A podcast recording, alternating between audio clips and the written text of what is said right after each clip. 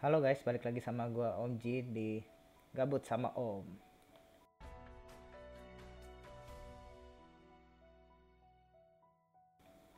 Perkenalkan nama gua Haji Swipin dan gua mahasiswa aktif Binusian 2023. Gimana kabarnya nih? Hampir sekitar dua bulan nih kita work from home dan study from home. Sudah muaka dengan di rumah aja? Nah, jangan sampai ya teman-teman. Karena kita masih di masa pandemik nih. Beberapa teman-teman di sekitar kita masih perlu bekerja di luar demi kalian yang di rumah aja loh. Jangan sampai kita tertular oleh orang lain atau malah menjadi orang yang menularkan kepada orang lain. Nah, tapi teman-teman pasti mikir nih, stay at home doang.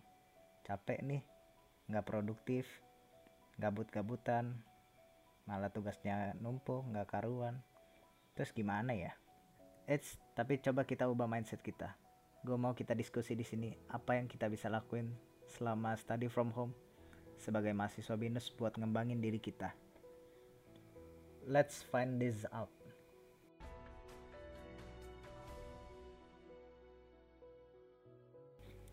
Nah, guys, pertama kita perlu memperdalam materi mata kuliah yang sedang kita pelajari saat ini loh. Nah, teman-teman ingat ya, kita ini sebagai mahasiswa tujuan utama kita untuk belajar, untuk memperdalam ilmu yang akan kita gunakan untuk masa depan kita. Jangan sampai nih kita sia-siain kesempatan kuliah kita ini, kita sia-siain uang kuliah kita ini. Nah, kita perlu belajar apa sih yang selama ini kita terjunin biar makin mantap lah pokoknya udah banyak kok source-source buat teman-teman belajar semoga teman-teman yang merasa awalnya salah jurusan jadi minat mempelajarinya. Dan dari yang udah ngerti jadi makin jago. Nah selain itu ada nih beberapa jurusan yang perlu seperti port portofolio. Kayak misalnya IT nah kita bisa sih bikin proyek kecil-kecilan untuk memperbanyak portofolio kita supaya kita makin mantap lah untuk melamar kerjanya ke depan.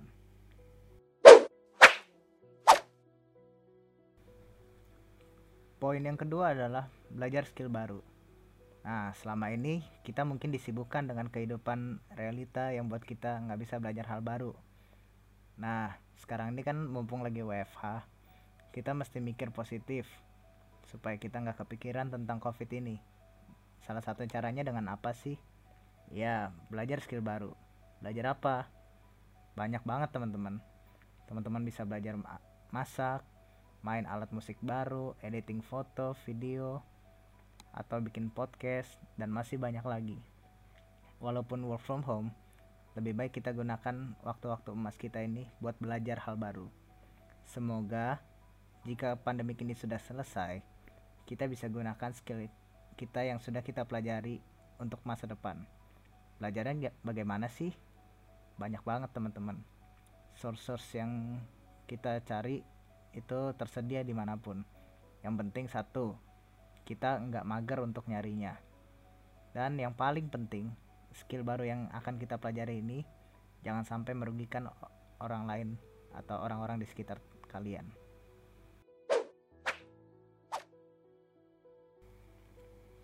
poin yang ketiga adalah kita mesti muter otak buat cari uang. Nah, apa sih maksudnya? Selama work from home ini, kita mesti dituntut untuk mikir keras dan kreatif. Kita mesti cari cara gimana kita untuk kehidupan ke depannya.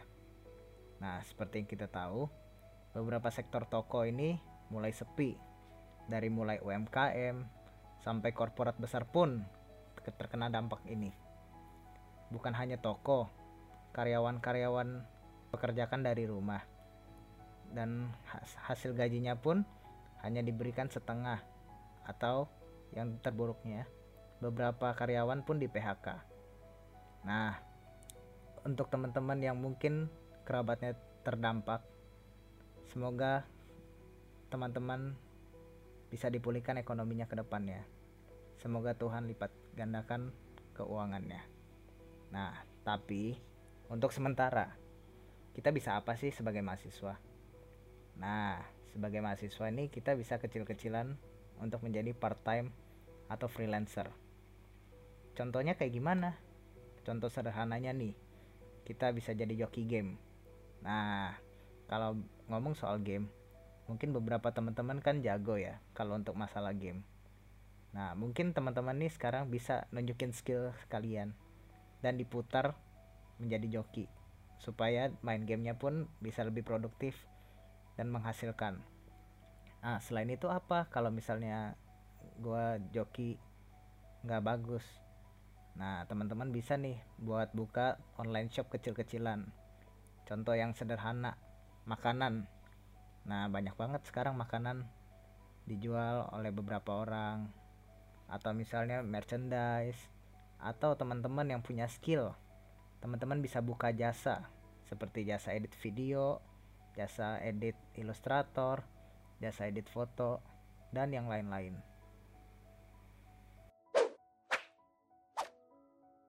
Keempat. Poin keempat ini kita bisa bikin karya. Nah buat teman-teman yang merasa punya keinginan bikin karya inilah saatnya teman-teman buat salurin. Buat yang merasa dulu kok kayak nggak ada waktu ya buat bikin. Yang penting kita nih mulai aja dulu mungkin gue akan memberikan sedikit saran yang pernah gue pelajari. Bikin karya itu awal-awal pasti jelek. Itu sudah pasti. Tapi nggak apa-apa. Yang penting kalian mau berusaha buat bikin. Nah buat teman-teman yang misalnya nih suka bikin cerita bisa salurin ceritanya di beberapa aplikasi atau blog. Suka bikin komik atau misalnya teman-teman yang suka dengerin podcast. Nah inilah saatnya teman-teman buat bikin podcast sederhana. Kayak gue contohnya gue pun juga masih belajar. Yang selanjutnya adalah misalnya kalian suka nonton YouTube. Nah kalian bisa nih bikin video-video. Misal kalian bisa ngajar kalian bikin video tutorial atau kalian bisa ngedit kalian bikin video cara ngedit atau bikin hasil editan kalian atau kalian suka entertaining. Kalian bisa bikin video tentang menghibur. Yang penting teman-teman video ya video atau konten yang akan kita buat jangan sampai kita jangan sampai melanggar norma sosial. Kayak salah satunya youtuber prank yang itu loh.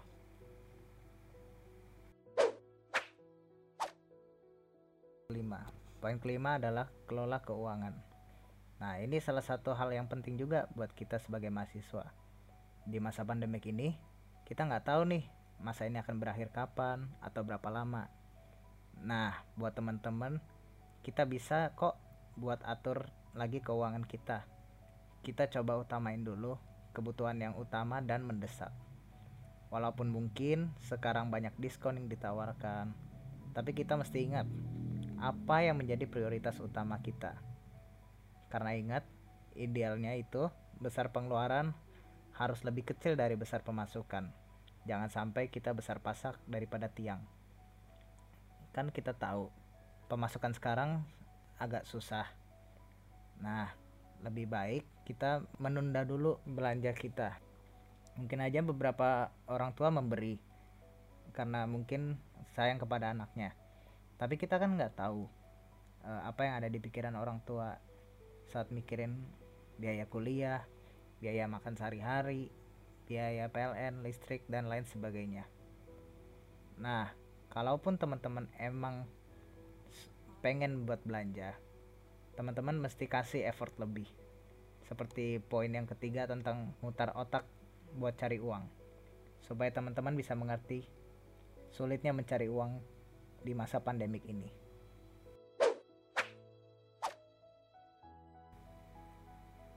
Poin keenam. Poin keenam adalah olahraga dan meditasi. Di masa pandemik ini, tubuh kita juga mesti sehat baik jiwa maupun raga. Jangan sampai kita terserang bukan oleh Covid, melainkan oleh pikiran-pikiran buruk. Salah satunya dengan olahraga. Nah, tapi ingat, olahraganya tetap di rumah aja ya. Kayak misalnya workout. Itu simple banget. Yang penting teman-teman rutin lakuin siapa tahu nanti teman-teman selesai pandemik ini tubuh teman-teman jadi terlihat bugar karena ol sering olahraga di rumah. Nah kalau udah sehat raga sehat juga dong jiwanya. Nah gimana sih caranya untuk menyehatkan jiwa? Teman-teman bisa melakukan meditasi nih. Pelan-pelan aja belajarnya cari caranya tutorialnya di YouTube. Nah teman-teman bisa lakukan secara bertahap. Mulai dari 5 menit hingga meningkat sampai teman-teman merasa lancar meditasinya semuanya memang sulit nih di awal tapi asalkan teman-teman ada niat pasti teman-teman bisa kok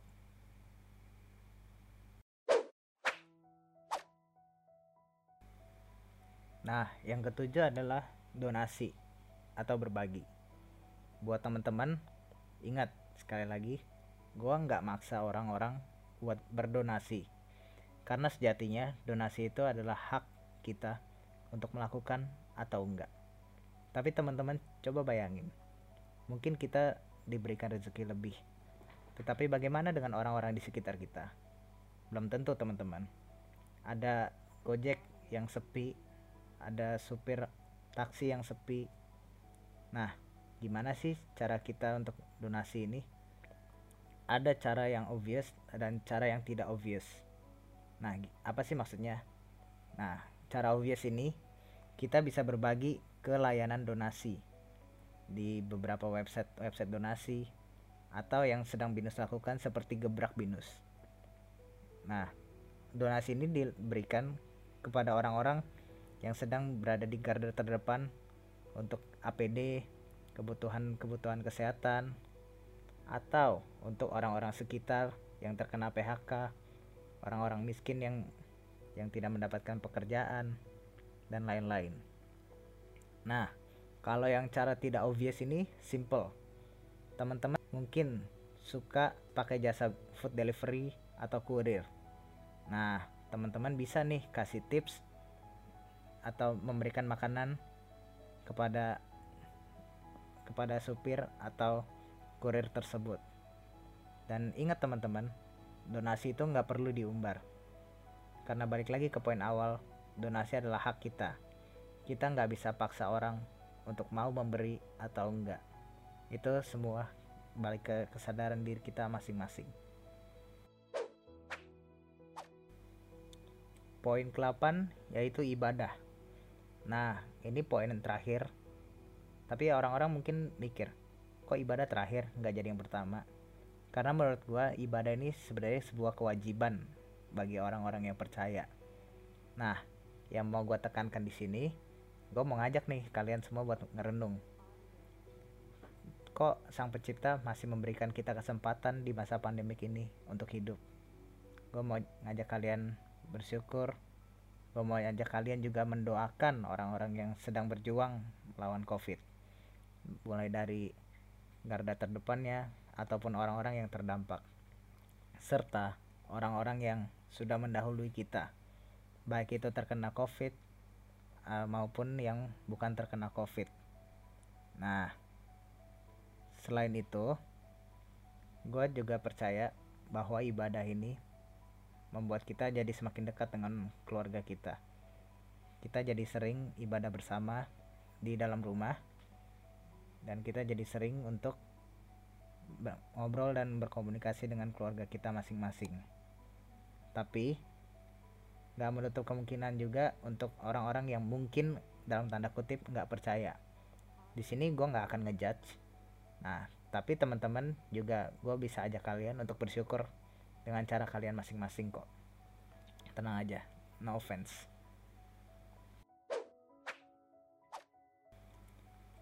nah mungkin itu 8 hal yang bisa gue share ke kalian untuk kita diskusikan bersama-sama.